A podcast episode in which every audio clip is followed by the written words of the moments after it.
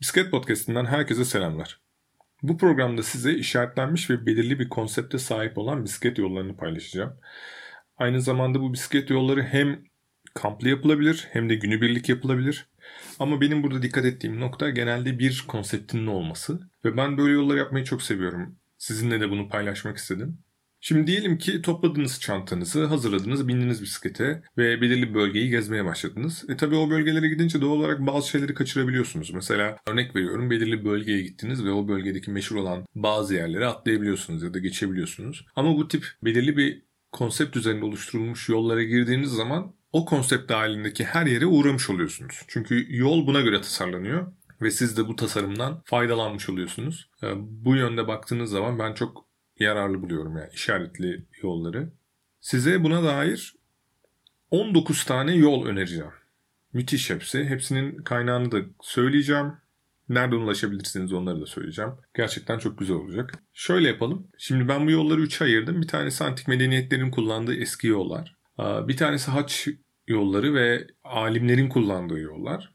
Diğeri de bölgesel turizm yolları. Bir de hem ulusal mücadelede hem de tarihte önem arz eden yollar var. Onları da topladım ve bir şekilde bir seçki oluşturdum. 19 tane yol var bu şekilde sizinle paylaşacağım. Şimdi yavaştan başlayayım. İlk yolumuz Sufi yolu. Aslında bu yol İngilizce'de Mevlana yolu diye de geçiyor. Bu bir haç yolu. İstanbul'dan Mekke'ye uzanan haç yolunun belirli bir kısmı. İstanbul'dan Konya'ya kadar uzanan kısmını işaretlemişler. Çok da güzel bir yol gibi görünüyor.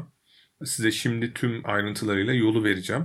Şimdi öncelikle bu yolu tasarlarken e, Sufi, alim, şair ve bilginlerin mekanlarını yeniden canlandırmak ve kültür yoluyla inanç turizmini bir arada sunmak için yapmışlar. Bu yol İstanbul'dan başlıyor ve Konya'ya gidiyor.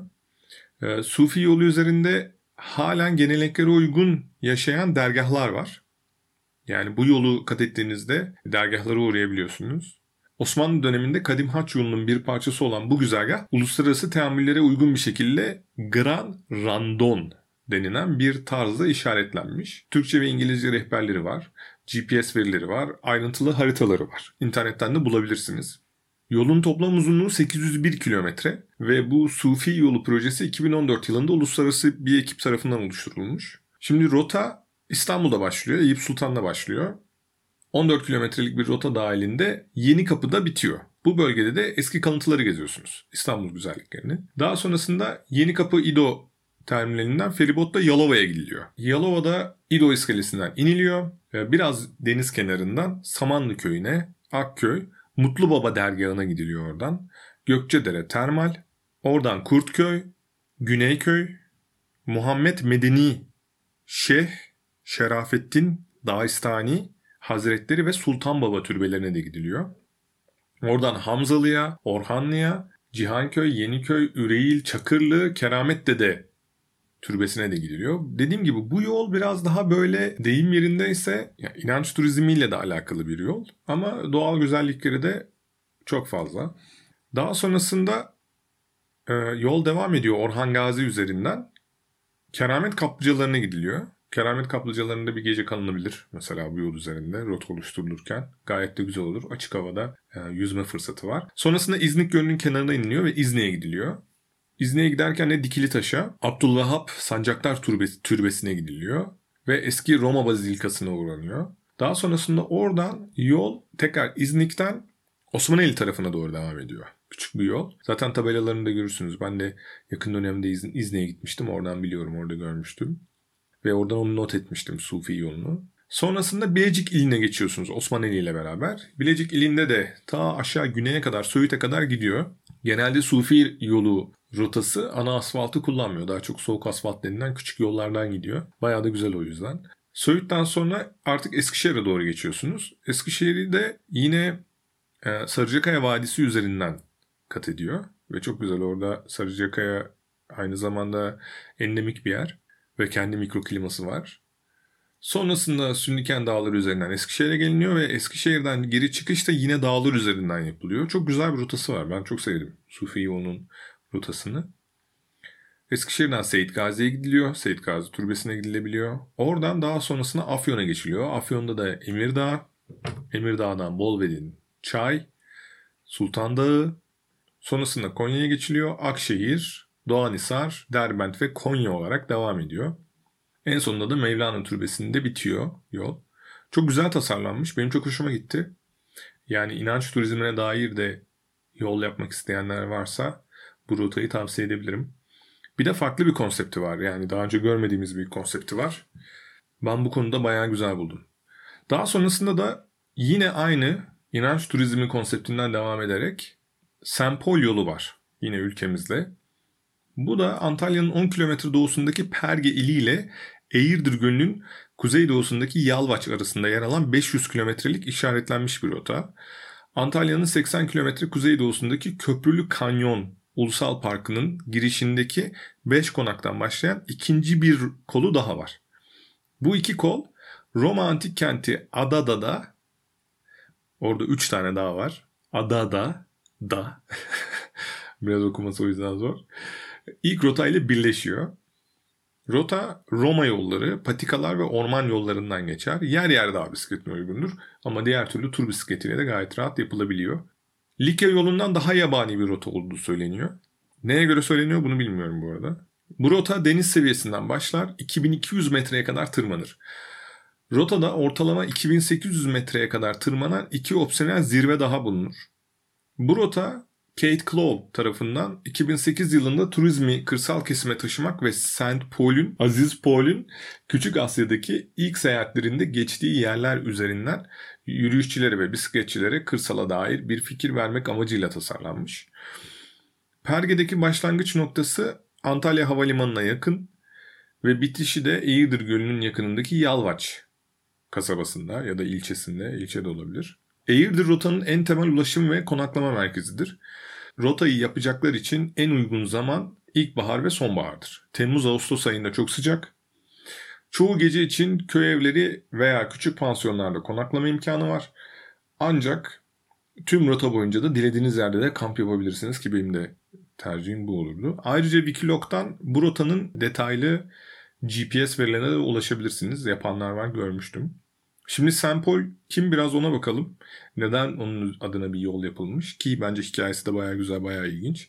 Aziz Pol Hristiyanlığın Batı Avrupa'ya yayılmasından sorumlu kişi olarak gösteriliyor tarihte.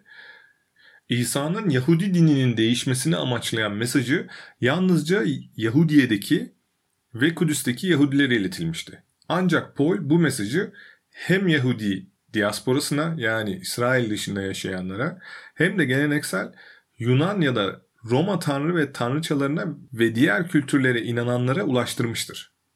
Bu süreçte kısmen tapınma biçimleri hakkında pek çok talimat ekleyerek, kısmen de mesajı değiştirerek diyebiliriz. Özellikle kadınlarla olan kısımlarını değiştirdiği söyleniyor.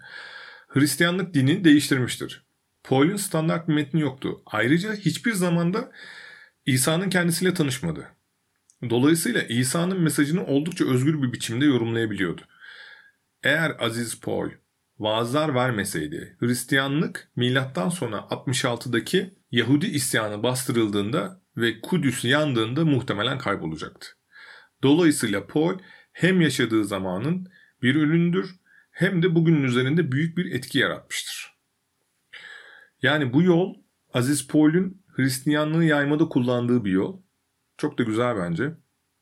Yine bu yolun da amacı ve tasarımı çok güzel. Çok hoşuma gitti. O yüzden listeye aldım.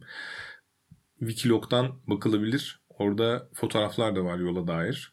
Hem de çok güzel Torosları geçiyor üstelik yol. Tavsiye ediyorum. Bir sonraki yol yine aynı temayla hazırlanmış. Yine bir haç yolu.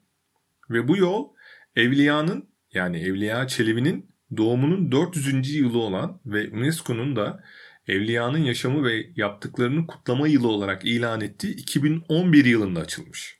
Ve kendisinin 1671 yılında nihayet çıkabildiği haç yolculuğunun ilk bölümünü takip ediyor. Evliya Çelebi yolunu oluşturmadaki ilk aşama 2019 yılında at sırtında gerçekleşen 6 haftalık bir keşif turuyla olmuştur. Ve bu tur İzmit Körfezi'nden Simav'a kadarki kıvrımlı yolculuğu Evliya'nın detaylı tasvirleri esas alınarak tekrar edilmiştir. Kendisi buradan sonra İzmir'e, ardından güneye, sonra da kıyı boyunca doğuya ilerlemiştir ve oradan da hacca gitmiştir. Evliya Çelebi yolu Türkiye'deki en harika ve çeşitli peyzajların olduğu bölgelerden, farklı köylerden ve tarihi önem taşıyan Osmanlı İmparatorluğu'nun doğduğu kent ve kasabaların içinden ya da yakınından geçmektedir. Rota, yer yer nehirleri, keçi patikalarını, traktör ve orman yolları ile Osmanlı ve Roma dönemine ait döşemeli yolları takip etmektedir. Zemin düzeyinin zorlu olduğu yerlere nadiren rastlanır.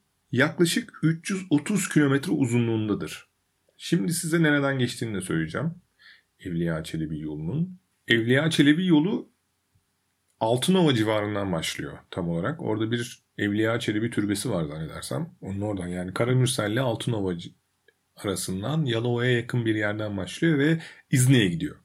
İznik'ten sonra İznik'ten sonra Sufi yolu Bilecik'e doğru gidiyordu. Bu yol ise Bursa'ya doğru gidiyor daha fazla ve Yenişehir'e uğruyor. Yenişehir'den İnegöl'e değil de daha çok Uludağ'ın eteklerine doğru gidiyor. Ondan sonra Domaniç'e, Domaniç'ten Kütahya'ya, Kütahya'dan Afyon'a direkt olarak kıyı kıyı Altıntaş üzerinden gidiyor. Neredeyse ana yola paralel bir uzanan bir yoldan gidiyor. Ve daha sonrasında Banaz, Uşak, Gediz ve Sivam'a kadar ulaşıyor. Çok güzel bir rotası var. Çok güzel de bir coğrafyadan gidiyor. Mesela bu rotayı ilkbaharda yapmak çok güzel olur. Özellikle iç bölgeler yeşillenirken yani gözümde böyle çok güzel görüntüler canlandı. Şimdi yine aynı konsept oluşturulmuş başka bir yola geçiyoruz. Bu yolda Hazreti İbrahim yolu. Hazreti İbrahim yolu tabii ki tahmin edeceğiniz üzere Güneydoğu Anadolu'da. Şimdi bu yolu anlamak için öncelikle Hazreti İbrahim'in kim olduğundan biraz bahsedeceğim. Hazreti İbrahim bugün dünya nüfusunun yarısından fazlası tarafından paylaşılan ruhani ve kültürel bir geleneğin başlangıcında bir yere sahip. Hazreti İbrahim'in hikayesi bize yaklaşık 4000 yıl öncesinden, Tunç çağından gelmiş olsa da bugün Orta Doğu'nun dört bir yanındaki kutsal yerlerde ve tarihi kentlerde hala hatırlatılmakta ve kullanılmaktadır. Hazreti İbrahim'in anısı belki de en çok Türkiye'nin güneydoğusunda yer alan Şanlıurfa halkı tarafından yaşatılmaktadır. Eski bir efsane doğum yeri ve çocukluğunun geçtiği şehir olarak Şanlıurfa'yı anlatmaktadır. Ve burası bin yılı aşkın bir süredir bir haç merkezi olmuştur. Biliyorsunuz Şanlıurfa'ya peygamberler şehri de denir. Hazreti İbrahim yolu Orta Doğu'da bu inancın izini takip eden bir yürüyüş ve bisiklet yoludur. Rota bir grup kutsal ve tarihi yeri son derece ilginç bir güzergahta buluşturmaktadır. Rotanın Türkiye bölümü Şanlıurfa bölgesinde eşsiz Hazreti İbrahim'in mirasını anmak ve kutlamak için oluşturulmuştur. Bu rotanın amaçları arasında muhteşem tarihi ve kutsal yerleri keşfetmek ve aynı zamanda da Hazreti İbrahim'in mirası olan misafirperverlik ve dostluğu da deneyimleme imkanı olarak sunulmaktadır. En uygun zamanlar ise Şubat, Mayıs, Ekim ve Kasım arasıdır. Yaz ayları çok sıcaktır. O yüzden pek tavsiye edilmiyor yaz ayları. Şimdi bu rotanın bir güzel tarafı da sonunun Göbekli Tepe'de bitmesi. Göbekli Tepe'de kazı çalışmaları genelde bahar sonu ile ilkbahar başında yapılmaktadır. Yani tam da rotanın yapılmasının tavsiye edildiği zamanlarda yapılmaktadır. O yüzden Göbekli Tepe'yi gezmek için de en uygun zamanlar bu zamanlardır. 170 kilometre uzunluğunda bir mesafesi var rotanın. Erken saatlerde başlamak günün erken saatlerindeki serinlikten yararlanmak için baya baya önemli olduğu söyleniyor rotayı yapanlar tarafından. Şimdi size bir de harita üzerinden e, rotanın geçtiği yerleri az çok söylemek istiyorum. Şanlıurfa merkezden başlıyor. Biliyorsunuz Şanlıurfa'da Balıklı Göl'den başlayarak birçok görülmesi gereken yer var. Neredeyse hepsine gidiyor bu rota. Daha sonrasında Haran'a gidiyor. Haran'dan Ceylanpınar yönüne doğru biraz devam ediyor. Ve tam Sarıkaya Dağı'nın ve Kargalı Dağı'nın arasından Viranşehir Şanlıurfa yoluna bağlanıyor ve oradan Göbekli Tepe'ye gidip bitiyor. Yani şöyle bir kare şeklinde bir güzergahı var. Ben yine çok anlamlı buldum ve listeye ekledim. Yani o bölgede bisikletle yapılabilecek güzel etkinliklerden olabilir. Hatta tur biraz uzatılabilir ve oradan çevredeki yine çeşitli güzelliklere doğru da gidilebilir. Bu bölgeyi de yine hatırlıyorsanız Bisikletname ile beraber yaptığımız podcastlerde anlatmıştık. Onu da yine podcastlerimiz arasında bulabilirsiniz. Şimdi hemen bir sonraki yolumuza geçelim. İnanç, alim, düşünür ve haç yollarını bir geride bıraktık. Ve artık sultanların yollarına başlıyoruz. Bu da yine benim konsept olarak çok sevdiğim bir yerde. Bu da yine benim konsept olarak çok sevdiğim bir yerde. Şimdi ilk anlatacağım yol Sultanlar Yolu. Kanuni Sultan Süleyman'ın ayak izlerini takip eden uluslararası bir yol bu ve çok uzun menzilli bir yol. Normalde yol birinci ve ikinci Viyana seferleri güzergahını takip ediyor. Kanuni Sultan Süleyman 1529 yılında ilk defa Viyana'yı almayı denedi. Fakat başarısız kalınca 1532 yılında ikinci bir teşebbüsü oldu. Ama tam anlamıyla bir sefer ve savaş olmadı. 1683 yılında Kara Mustafa Paşa emrindeki ordular yeniden Viyana'yı almayı denese de yine başarısız oldular. Kanuni Sultan Süleyman otağını bugünkü Viyana yakınlarındaki Simmering köyüne kurmuştur. Otağın bulunduğu yere daha sonraları Habsburg hanedanlığı tarafından bir şato yapılmıştır. Şatonun adı biraz telaffuzu zor olsa da okumayı deneyeceğim. Scholz Neugebade. Ve bu şato hala günümüzde kültür merkezi olarak hizmet vermektedir. Simmening'de başlayan yolculuğumuz Avusturya, Macaristan, Hırvatistan, Sırbistan ve Bulgaristan'ı geçerek Türkiye'de Süleymaniye Camii'ni ziyaret ettikten sonra İstanbul Topkapı'da biter. 2009 yılında başlayan bu ağ Avusturya Viyana'dan başlayıp İstanbul'da sonlanan 2100 kilometrelik bir güzergah içeriyor. Yol işaret çalışmaları tamamlandığında Sultanlar Yolu Avusturya, Macaristan, Slovakya, Hırvatistan, Sırbistan, Romanya, Bulgaristan, Yunanistan ve Türkiye'yi de içine alarak 9 ülkeden geçecek. Şimdi biz de sizlere bu yolun Kapıkule'den itibaren Topkapı Sarayı'na kadar olan kısmını anlatacağız. Ve bu sayede Roma döneminden beri var olan yer yer Via Milatoris olarak anılan ve Osmanlı döneminde en şaşalı dönemini yaşayan bu yolu da yeniden tanımlamış da olacağız. Aslında 1529 yılında kullanılan yol Via Militaris olarak da anılıyor. Bunu da hemen belirtmiş olalım. Şimdi ben size harita üzerinden de bu yolun çeşitli bilgilerini vereyim. Yol Kapıkule'den girdikten sonra Edirne'ye gidiyor. Edirne'de dediğimiz gibi Süleymaniye Camii'ne uğruyor. Daha sonra oradan kuzeye doğru çıkıyor hafif. Ve Süloğlu kasabasına doğru gidiyor. Burada Dolhan, Paşayer, Koyunbaba, Kızıldere, Üsküpdere, Karınca, Kaynarca, Doğancı, Develi, Vize, Saray ve daha sonrasında da kuzeyden yani Çatalca Yarımadası'nın kuzey kısmından İstanbul'a kadar uzanıyor. Çok güzel bir yol olsa gerek. Ben bu bölgeyi görmedim ama yani haritalarda baktığım kadarıyla da bayağı ilginç. Bu yolda Sultanlar yoluydu. Tekrar Marmara bölgesinde olup da mesela yapmayı düşünen olursa bu yolda yapabilir. Bir de size yine Marmara'da bulunan ve bu sefer yine Roma döneminden hatta Bizans döneminden kalan farklı bir yolu tanıtacağım. Egnatia yolu Via Egnatia. Via Egnatia İtalya'daki Via Appia ile birlikte Roma ile Bizans yani Bizans derken de bugünkü İstanbul'dan bahsediyorum. Bu iki şehir arasındaki yoldu. İki milenyum boyunca çok amaçlı bir Trans-Balkan karayolu ve bölge için gerçek bir ana yol olarak kullanıldı. Yol Arnavutluk, Makedonya, Yunan ve Türk Trakya'sından geçer. Osmanlı'nın sol konuna karşılık gelir. Yolun en iyi durumunda olan yeri ise ve hala kullanılmakta olan kısmı ise Arnavutluk'taymış. Via Egnatia Vakfı ki bu yolu da bu vakıf yapıyor. İletişim için bir yol olarak adlandırdığı bu yolu yeniden canlandırmayı amaçlamış. Dolayısıyla Via Egnatia bir yürüyüş ve bisiklet yolundan daha fazlasını amaçlamış. Bu yolun bir amacı da insanları bir araya getirmek, bu rotadaki insanları, malları ve fikirleri değiştiği kuş etmek ve sonunda arkadaşlık ve barışı sağlamak olarak anlatılmış. Güzel de bir amacı var. Hoş da. Şimdi size Türkiye'deki kısmından bahsedeceğim ben tabii ki bu yolun. Daha sonrasında bunu Yunanistan'ı falan yapmak isteyen olursa da yine araştırabilir. Şimdi araştırmacılar tarafından aslında şöyle de bir konu tartışılıyormuş. Orijinal Via Egnatia rotası farklı olabileceği söyleniyormuş. Ama Türkiye üzerinde özellikle ana noktalarını belirledikleri taşları bulmuşlar. Ve bu rotanın Osmanlı'nın sol kısmını oluşturduğu konusunda da genel bir kanı varmış. Şimdi rota İpsala boyunca Marmara üzerinden Tekirdağ ve oradan da İstanbul'a geliyor. Ben size rotanın orijinal isimlerini de okumaya çalışacağım. hem de Türkçelerini de okuyacağım. Böyle böyle İstanbul'a kadar gideceğiz. Şimdi ilk durak tabii ki İpsala. Tabii bunu tersten yapabilirsiniz. Yani tek tek taraflı olarak düşünmeyin. Ama ben İpsala'dan İstanbul'a doğru gelerek okuyacağım rotayı. İlk yer İpsala. İpsala'nın eski adı Kipsala. Enes daha sonrasında gidilen yer. Enaüs. Daha sonrasında Edirne. Adria Noble. Edirne'nin eski adı. Daha sonrasında Kermeyan'a gidiyor yol. Aprui. Kermeyan'ın eski adı da Aprui'ymiş. Daha sonrasında Çorlu. Çorlu'nun eski adı biraz uzun. Bakalım okuyabilecek miyim? Kaenopri Ruim.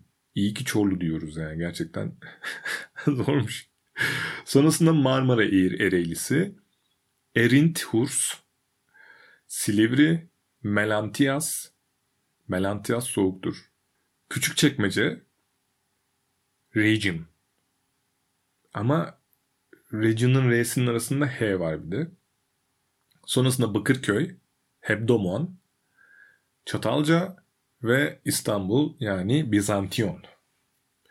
Bu yol da benim çok hoşuma gitti. Özellikle konsepti bakımından ve Marmara'da olması bakımından. Bu bölgeyi de ya da bu rotayı da yapmak isteyen arkadaşlarımız olursa yine internetten araştırabilirler. Via Egnatia yolu. Sonrasında ülkemiz içinde çok değerli olduğuna inandığım bir gelişim olmuştu hatırlarsanız geçen yıllarda. Eurovelo İzmir rotası adı altında Türkiye'ye gelmişti. Ve bu Eurovelo'nun Türkiye'den geçen ilk yolu oldu. Ve bu işaretlenen bisiklet yolları arasında onu da aldım. Şimdi size biraz ondan bahsedeceğim. İzmir içerisinde planlanan rotada Midilli Adası Dikili Limanı ve Sakız Adası Çeşme Limanı arası olmak üzere iki adet giriş ve çıkış noktası bulunmakta. Ana rotanın bu noktalarıyla bağlantılı olarak Bergama, Efes Antik Değerler tur rotası olarak belirlenmesi amaçlanmış. Öneri güzergah üzerinde Pergamon, Pitane, Larissa, Simirna ve Teos gibi işte Efes olmak üzere 17 tane antik kent bulunmakta. Rotanın Türkiye ayağı 491 kilometre uzunluğunda ve Eurovelo 8'e dahil olmuş durumda. Eurovelo 8 de bildiğiniz üzere Akdeniz rotası. Tüm Akdeniz'i boydan boya geçiyor. 5888 kilometrelik bir rota.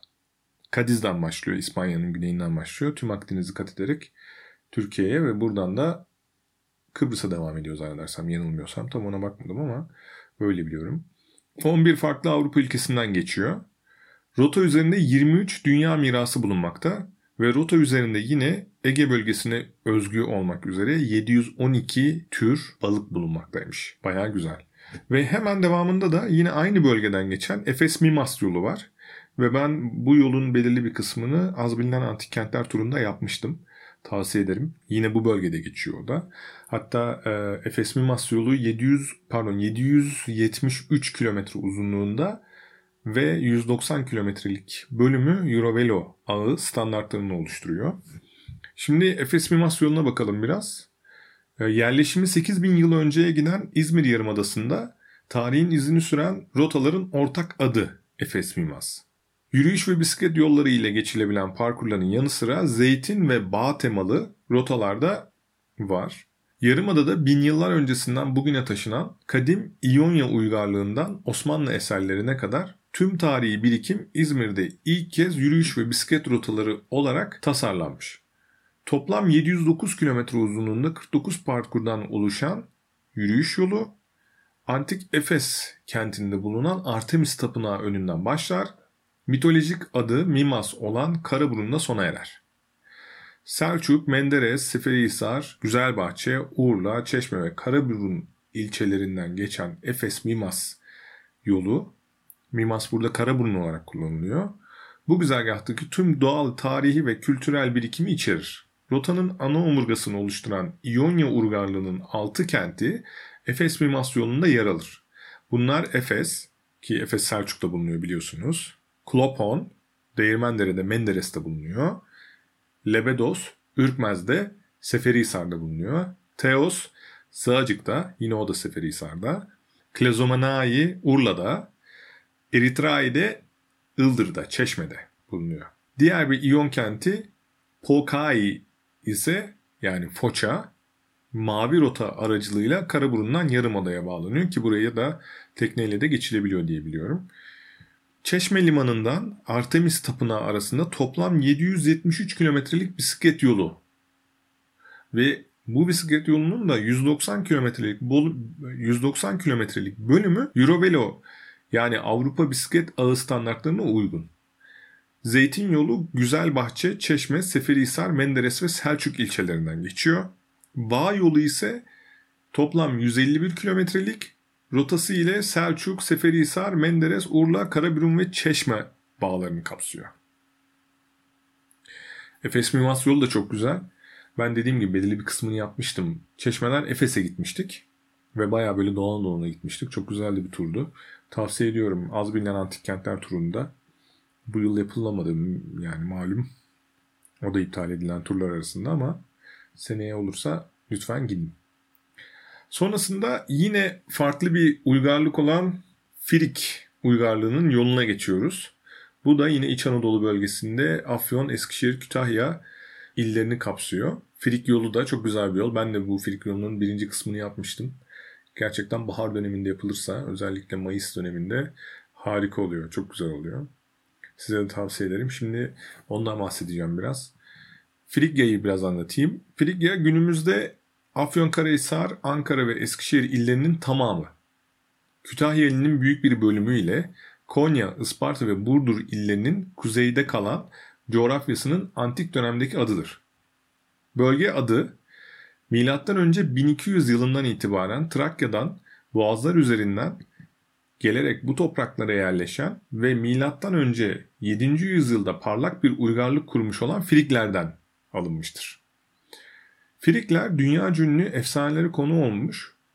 Başta başkent Gordion yani Yassıöyük olmak üzere Pesenus, Ballıhisar ve Midas şehri Yazılıkaya Friklerin en önemli merkezlerindendir.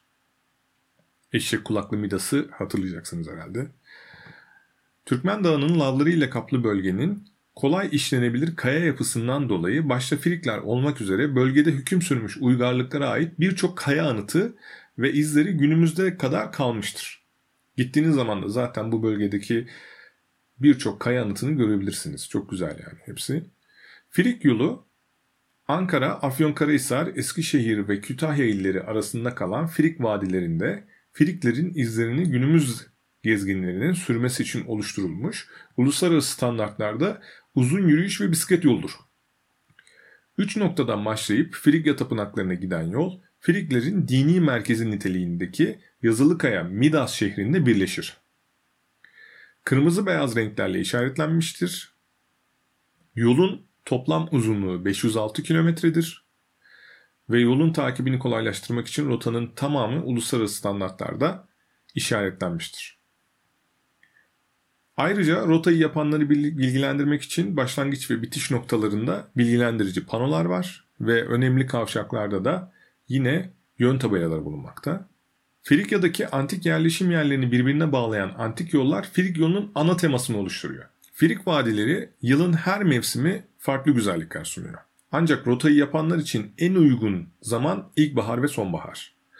Bölgede yıl boyunca su sorunu yok ama kışın çok sert bir soğuk olur Yazında biraz sıcak olur. Ama geceleri biraz üşütür gibi. Ama bahar döneminde süper. Ve rotanın çok büyük bölümü de hem bisiklet için uygun hem de yürüyüş için uygun. Hemen bundan bir sonra yine bu topraklar üzerindeki çok büyük bir medeniyet olan Hititlere geçiyoruz ve Hititlerin yolunun size şu an biraz tanıtımını yapacağım.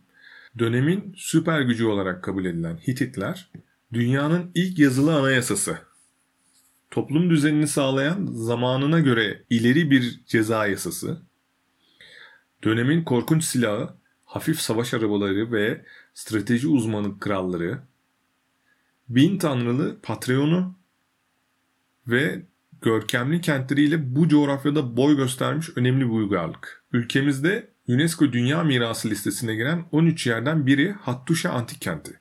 Hitit yolu bizlere tarih, kültür ve doğayı sunuyor. Ve aynı zamanda çivi yazılı tabletleri de görme imkanınız var bu yola girdiğiniz zaman. Şimdi rota hakkında biraz bahsedeyim sizlere. 1988 yılında Milli Park ilan edilen Boğazkele ilçesindeki Hitit kenti Hattuşa ve Alacaöyük kalıntılarını kapsayan 2634 hektarlık alan Hitit yolunun temel noktası. Hitit yurdunun önemli 3 tane kenti var. Hattuşa, Alacaöyük ve Şapinuva. Bu üç tarihi kent ve buna bağlı olan güzergahlar birleştirilerek Hitit yolu yürüyüş ve bisiklet parkuru çalışması yapılıyor. Çorum Valiliği bu çalışmayı 2010 yılının Ekim ayında tamamlıyor. Daha sonrasında eski kervan ve göç yollarından geçen 236 kilometrelik rota işaretleniyor. 17 yürüyüş parkuru ve alternatif güzergah oluşturuluyor. Toplamda 385 kilometreye ulaşıyor rota. Ayrıca dağ bisikleti için rota biraz daha uzatılabiliyor ve 406 kilometre civarına çıkabiliyor. Yine rotanın haritası oluşturuluyor, GPS koordinatları veriliyor, Türkçe ve İngilizce kitaplar oluşturuluyor. Size biraz harita üzerinden de bahsedeyim. Şimdi Hitit Vadisi ya da Hitit bölgesi diye adlandırdığımız yer Çorum Ovası ile Bozok platosu arasında yani Çorum'la Yozgat arasında kalıyor. Elmalı Dağı, Ulaştıran Baba Tepesi, Keller Dağı arasında kalıyor aslında. Bu bölgede yapabileceğiniz bir yol bu. Hem de aynı zamanda da Kızılırmak'a da bir kısmı dayanıyor. Yani o bölgeye gidiyorsanız eğer güzel bir çalışmayla bayağı iyi bir rota oluşturulabilir diye düşünüyorum. Ki ben de bu yüzden aldım listeye. Hemen yine size bu bölgede yine oluşturulmuş ve hemen hemen aynı yolları kullanan farklı bir rota hakkında bahsedeceğim. Rotanın adı gastronomi rotası. Şimdi size tam adını da söyleyeyim. Kızılırmak Havzası, Çorum Gastronomi ve Yürüyüş Rotası. Şimdi bu farklı bir konsepte hazırlanıyor ve Türkiye'de bir ilk. Çorum Havzası boyunca uzanan yerleşim yerlerinde kültürel, tarihsel ve doğal güzelliklerini birleştirerek geleneksel ve özgün yemek kültürüyle harmanlanan bir ekoturizm çalışması. Bayağı güzel geliyor kulağa. Yani bilirsiniz bisikletle beraber yemek yemek de çok önemlidir. Şimdi bu rota Kızılırmak'ın rotası boyunca uzanıyor. Çok ilginç şeyler var vaat ediyormuş. Kendiniz araştırdığınızda görebilirsiniz.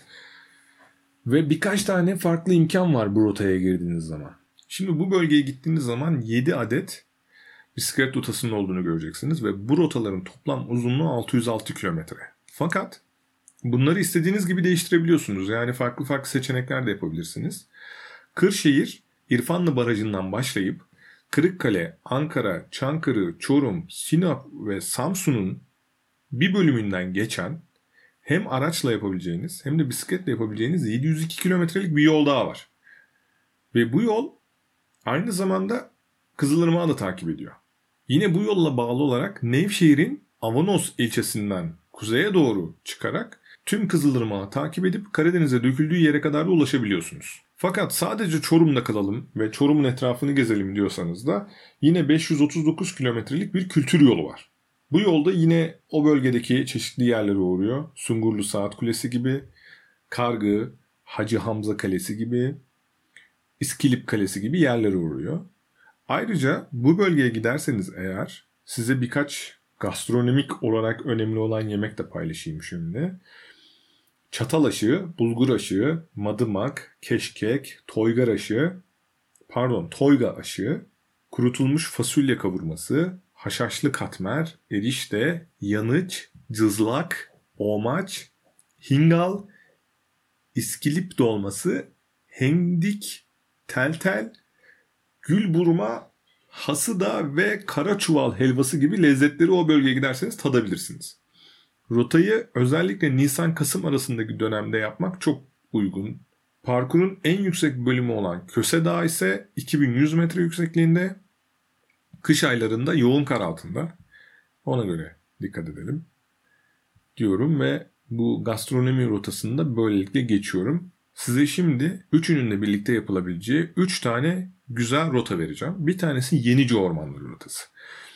Bunu biliyorsunuz bayağı bir çalışması da yapıldı. Yenice Ormanları Doğal Hayat Koruma Vakfı tarafından korunması gereken 100 sıcak noktadan bir tanesi ilan edildi. Ve bu amaçla da çok özel bir yer. Bu bölgeye gittiğiniz zaman elde yememiş anıtsal ağaçları görebilirsiniz. Zaten çok özgün bir ekosistem var. Biyolojik çeşitlilik çok yüksek. Son derece zengin. Kusursuz bir doğayla karşılaşacağınızda emin olabilirsiniz bu bölümde. Şimdi size biraz rota hakkında bilgi vereyim. Şimdi Karabük Valiliği ve Yenice Kaymakamlığı tarafından oluşturulan proje 2009 yılında hayata geçiriliyor. 210 kilometre boyunca yol işaretleniyor. 21 parkur oluşturuluyor. Alternatif güzergahlarla birlikte bu rakam 396 kilometreye kadar ulaşıyor. Parkurlar genelde orman yolu ve patikalardan oluşuyor. Ayrıca 292 kilometrelik de dağ bisikleti rotası var. Yani bu bölgeye gidip sadece dağ bisikleti de yapabilirsiniz.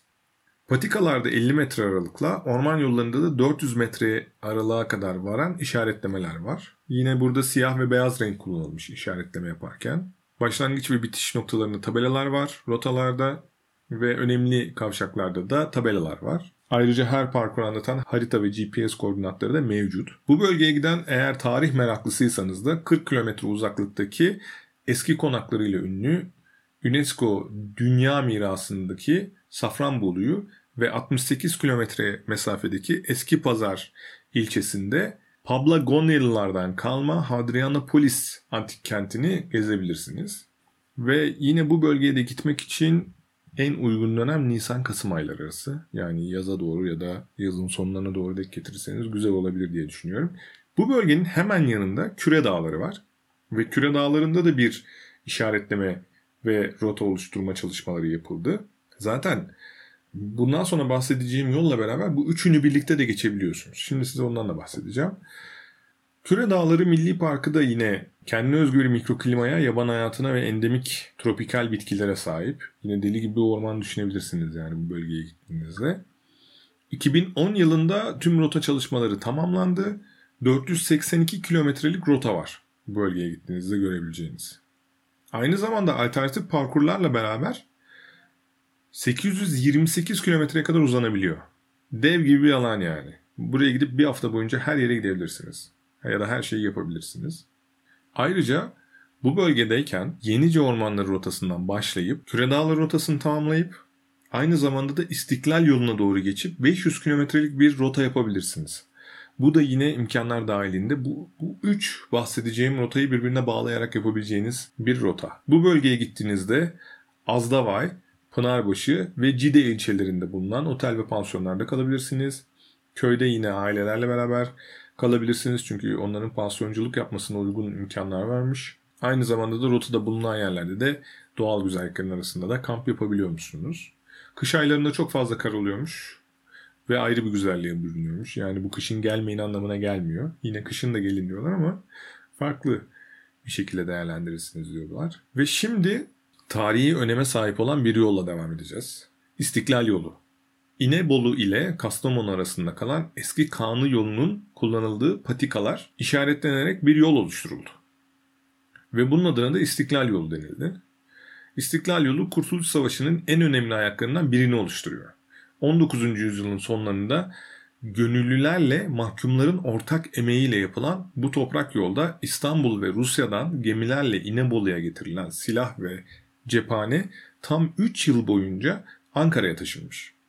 Mustafa Kemal'in gözüm Sakarya'da, Dumlupınar'da, kulağım İnebolu'da sözleri özgürlüğe koşan Kanı katırlarının geçtiği İstiklal yolunun önemini vurguluyor. İnebolu, Kastamonu, Çankırı, Ankara hattında uzanan İstiklal yolunun günümüzde hala belirgin şekilde kalan en iyi bölümü İnebolu-Kastamonu arasındaki Kanı yolu. Ayrıca rotada Ersizler Kanyonu, Karacaahmet Boğazı ve Çuha Doğu gibi doğal güzellikler var. Milli mücadelenin kilometre taşlarından biri olan İstiklal yolunun yeniden canlandırılıp bir yürüyüş ve bisiklet rotası haline getirilmesi çalışması Kastamonu Valiliği tarafından 2007 yılında gerçekleştirilmiş. Toplam rotanın uzunluğu 105 kilometre.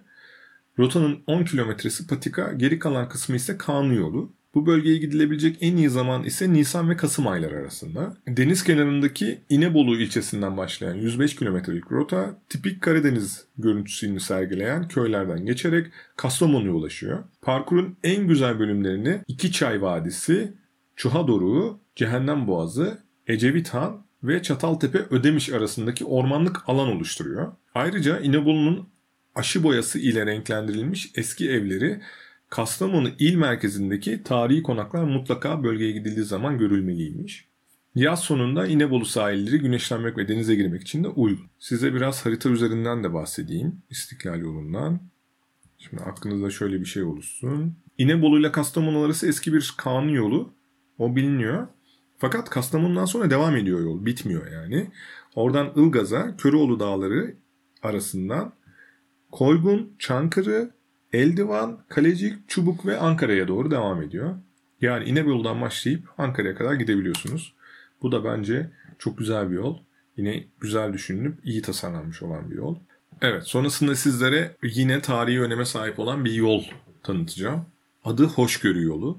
Hoşgörü Yolu aslında Roma döneminden kalma bir yol. Roma İmparatoru Galileus dünyada ilk bilinen hoşgörü fermanını 30 Nisan 311 yılında yayınlamıştır. Bu fermanla Hristiyanlara yasalara uymaları koşuluyla ibadet etme özgürlüğü ve kiliseleri yeni baştan inşa etme özgürlüğü tanınmış olur. Yayınlanan hoşgörü fermanının bir başka özelliği de 311 yılında Milano'da tüm dinleri kapsayacak şekilde genişletilen ikinci fermana ilham olması. Yayınlanan bu iki hoşgörü fermanı sayesinde dünyada hoşgörü olgusunun temelleri atılmıştır. Hoşgörü fermanı yayınlandıktan sonra o dönemin iki tane büyük kenti var. Bir tanesi İzmit, Nikomedya, bir tanesi de İznik, Nikaya. Bu hoşgörü fermanından sonra bu iki şehir arasında bir yol yapılıyor. Bu yolun toplam uzunluğu 126 kilometre uzunluğunda. Ve bizim de günümüzde hoşgörü yolu dediğimiz yol da yine bu yol. Ayrıca bu yol 1745 yılında Fransız gezgin ve elçi olan Charles de Pessinon, 1906 yılında Kanadalı botanikçi Robert Chambers tarafından kullanılmıştır. 1955 yılında Demokrat Parti döneminde İznik bölgesinin sebze ve meyvelerini en kısa yoldan İstanbul'a ulaştırmak için Bahçecik üzerinden İznik yolunun yapımına başlanmış. 1960 ihtilal nedeniyle bitirilememiştir. En az 1700 yıllık İzmit yani Nikomedya ile İznik yani Nikeya arasında tarihin önemi olan yaklaşık 126 kilometrelik bu yolu Hoşgörü Yolu adı ile yeniden tanıtmaya amaçlamışlar. Bu yolla ilgili daha fazla bilgiyi Tolerance Way isimli siteden bulabilirsiniz. Ben size şimdi bu rotanın farklı bir güzergahından bahsedeceğim. Yine bisiklet rotası olarak kullanılabilir. İznik'ten başlayan rota İzmit'e kadar geliyor. Yine eski yoldan tabii ki. İzmit'ten sonra da Astokoz, Bahçecik, Servetiye, Menekşe, Kırıntı Köyü, Kutluca, Hacı Osman, Gürbüzlü, Dikilitaş ve Ayasofya'ya gidiyor. Yani İznik'ten İstanbul'a kadar uzanan bir yol. Yine tarihi açısından beni cezbetmiş olan bir yol bu. Yapmak isteyen olursa ayrıntılı bir şekilde araştırıp yapabilir. Şimdi sizlere farklı bir rota daha tanıtacağım ve bu rotada Sarıkamış rotaları. Yılın büyük bir bölümü tabii bu bölge karlarla kaplı ve daha çok kayak turizmiyle özdeşleşmiş bir bölge.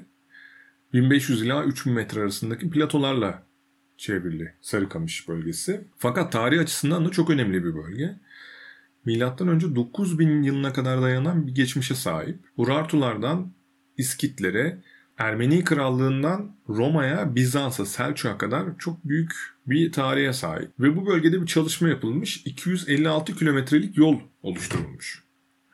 Hatta bu yollar yine araç ve bisiklet için farklı alternatif yollarla beraber 306 kilometreye ulaşabiliyor. Eğer o bölgeye giderseniz Komdere Vadisi, Şaşırtdere, Katerina Av Köşkü, Keklik Kızlar Kalesi, Belencik Köprüsü, Hamamlı, Kızılçubuk ve Sarıkamış oteller bölgesi olmak üzere gidebileceğiniz çeşitli bölgeler var.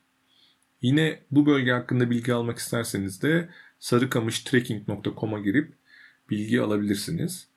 Ben bu bölgeye kayak yapmaya gitmiştim. Yani her yer karla kaplıydı.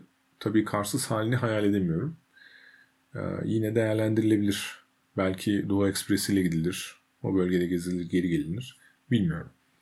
Şimdi biraz da sıcak denizlere inelim. Genelde hep size bu zamana kadar İç Anadolu bölgesinden ya da Karadeniz'den ya da doğudan bahsettim. Hatta Güneydoğu Anadolu'dan da bahsettim ama şimdi biraz da Muğla, Antalya civarına inelim. Şimdi bu bölgede ki en büyük ve, ve ülkemizdeki de en uzun mesafeli rota Karya yolu rotası. Şimdi Karya, Türkiye'nin güneybatısında Menderes Nehri ile Dalaman Çayı arasında kalan M.Ö. 2000 yılının sonlarından itibaren olan bölge. Likya ve diğer çağdaş kıyı medeniyetleri gibi Karya kalıntıları Akdeniz ve Ege Denizi boyunca hem bazı Yunan adalarından hem de bölgenin iç dağlık kısımlarından görülür. Köy hayatı hala bağcılık, zeytin ve balıkçılığa dayanır. Bölgenin en önemli cazibe merkezi Bodrum'dur. Bodrum'a giden bilir. Eski Halikarnassos adı. Bodrum'da sualtı müzesi, müzesi var ve Saint Jean şövalyelerinin yapmış olduğu da bir kale var. Yine şehrin merkezinde. Bunları da oraya gittiğiniz zaman görebilirsiniz. Şimdi yolla ilgili şöyle bir durum var. Toplam uzunluğu 850 kilometreye varıyor karyo yolunun. Ama farklı farklı kısımları var. Özellikle 4 ana kısmı var. Bozburun Yarımadası, Datça Yarımadası, Gökova Körfezi ve İç Karya olmak üzere yine Muğla çevresinde değerlendirilebilen 4 tane rota var. Ve bu rotadan uygun olanları siz seçip yapabiliyorsunuz. Gerçekten çok güzel. Yine bu bölgeye gidecekler için de karyayolu.com'dan bakıp web sitesinden gerekli bilgiler edinilebilir. Aynı rotaya sahip olan İdima yolu da yine Gökova çevresinde oluyor. Bu da Gökova çevresindeki küçük köyleri birbirine bağlıyor. Yani kilometre olarak 150 kilometreye dayanıyor. Az ama dediğim gibi Karya yoluyla beraber düşündüğünüzde değerlendirilebilecek bir rota. İdima yolunun merkezinde Akyaka bulunuyor ve Akyaka'dan önce Akbük civarına daha sonrasında büyük bir tırmanışla 600 metre kadar ki bu tırmanış yukarıdaki dağ köylerine oradan tekrardan Akyaka'ya doğru geçebiliyorsunuz. Yine internetten araştırdığınızda rotayı göreceksiniz. Çok güzel bir rota. 150 kilometre olduğuna bakmayın. Yani bir bölgeye gidip orada hem bol bol deniz, kum, güneş yapıp hem de doğal güzellik görelim diyorsanız eğer bu rotayı da tavsiye ederim. Çok güzel. Aynı şekilde yine Fethiye'de de bir rota var ve Karya'dan başlayıp İdima yolunu yapıp ve yine Fethiye'deki bu rotayı da yapabilirsiniz. Fethiye'deki rotanın toplam uzunluğu 689 kilometre. Ve bu 689 kilometre üzerinde 79 kilometrelik Likya yolu rotası da var. Farklı farklı bir sürü yer var gidip görebileceğiniz.